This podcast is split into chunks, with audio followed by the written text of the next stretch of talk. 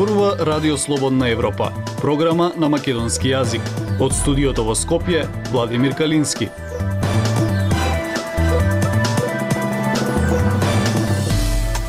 Во моментов не постои социјално партнерство и диалог меѓу владата и синдикатите и барењето за линеарно зголемување на платите од 2806 денари не идува на молк, вели Трпе Дејановски, председател на синдикатот на управата, правосудните органи и Сдруженијата на граѓани и УПОС во неделното интервју на Радио Слободна Европа. Тој вели дека од владата најавуваат нова методологија за покачување на платите, но посочува дека тоа решение синдикатите се уште не го виделе, а дека треба да стапи на сила од 1 јануари 2023 година како што најавува владата. Дејановски прашува што ќе прават работниците до крајот на годината во услови кога растат цените на производите, струјата, горивата. Синдикатите дадоа рок за продолжување на социјалниот диалог, воспротивно најавија колективни тужби против државата пред меѓународната организација на труд и продолжување на штрајковите. Слушајте не.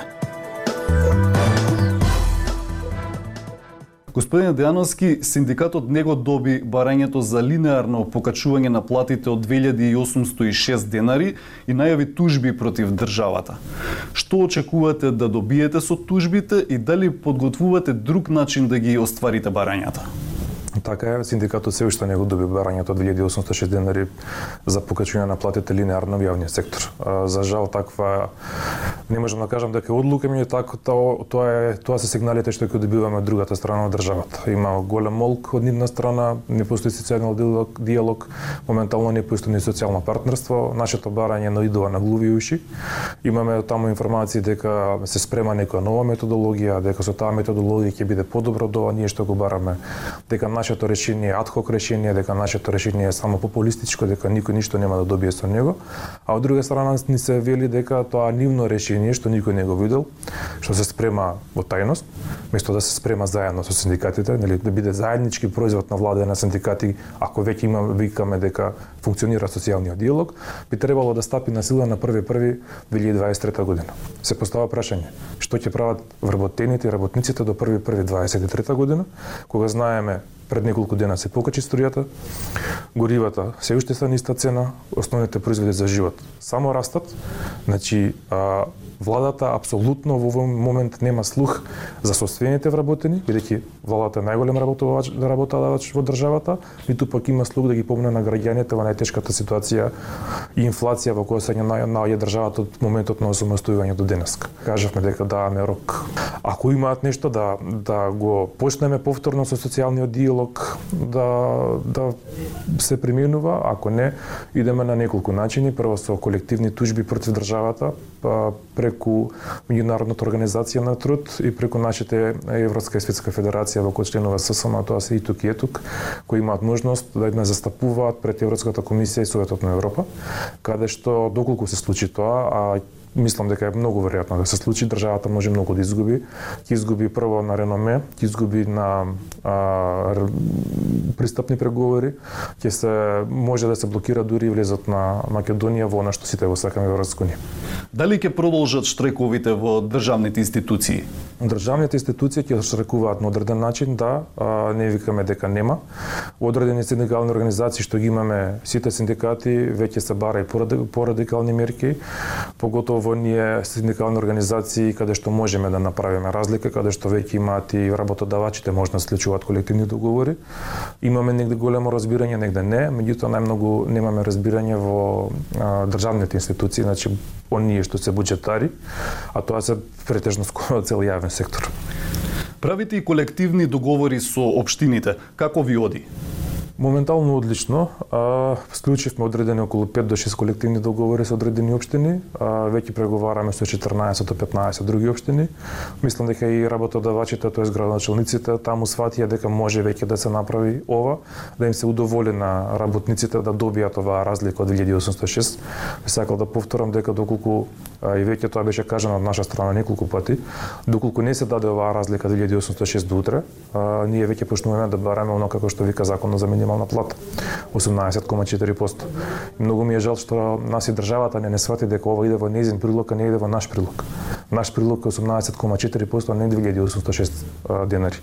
Ова беше направено да бидеме ние солидарни со државата, да може да буџетот да функционира како што треба да функционира, да се помогне на одредена група на вработени, а А сепак да има во буџетот и други средства како субвенции, како помош на останатите вработени граѓани во државата. Ќе кажам, многу ми е жал што владата не не свати. Многу ми е жал што и министерот за финансии и труд социјална политика, па дури премиерот не не свати, иако веќе бевме договорени 99% пред реализација.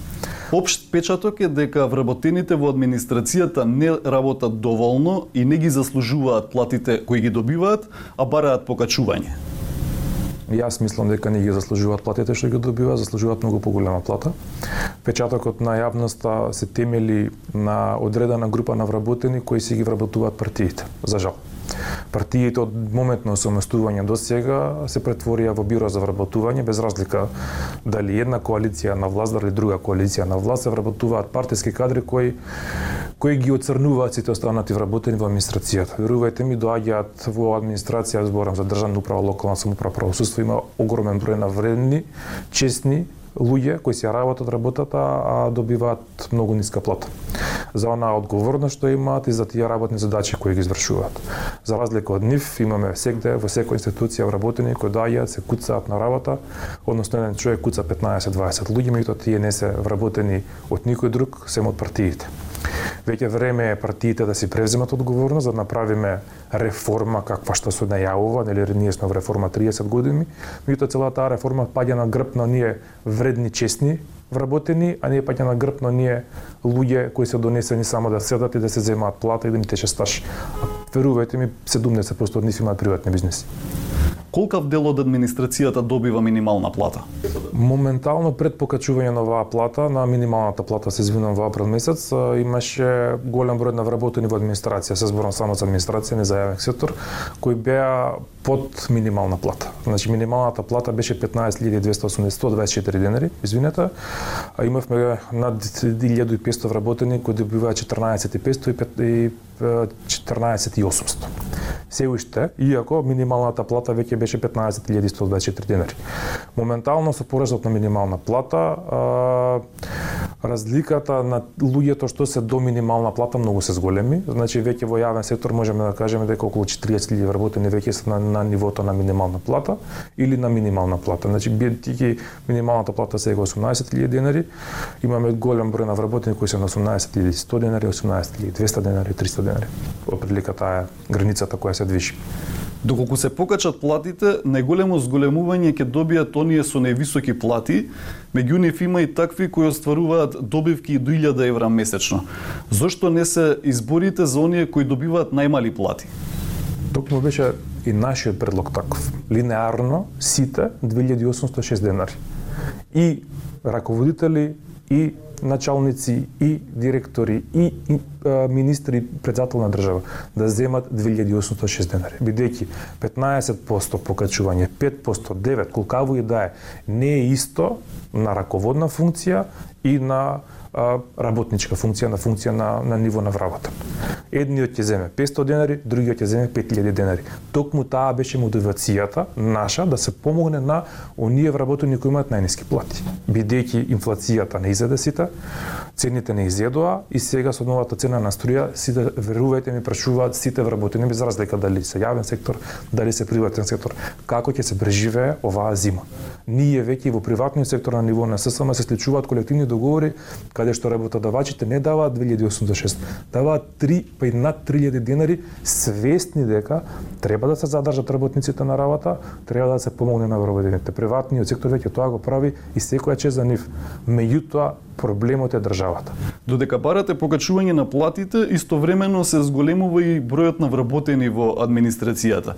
Дали ова е усложнува работата на синдикатите?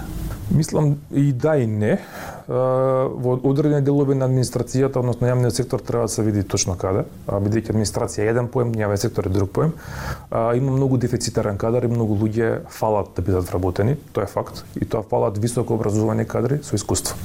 Бидејќи голем број на вработени од администрација и од јавен сектор, дали е тоа здравство, образование, култура, државна управа, локална самоуправа, веќе ги напуштија работните места, заминаа во приватен сектор или во странство поради неконкурентност на плати. Имаме институции, точно е тоа, дека иако се превработени, примаат нови вработени, таа логика никој не може да ја свати. Имаме институција каде што моментално се води реформа како проект од Европска унија, каде што се утврдени вишак моментално на 300 луѓе, има оглас вработува 40 луѓе. На исти работни места, како што се утврдени тој вишок на работни места. Е, таа логика не може да ја сватам.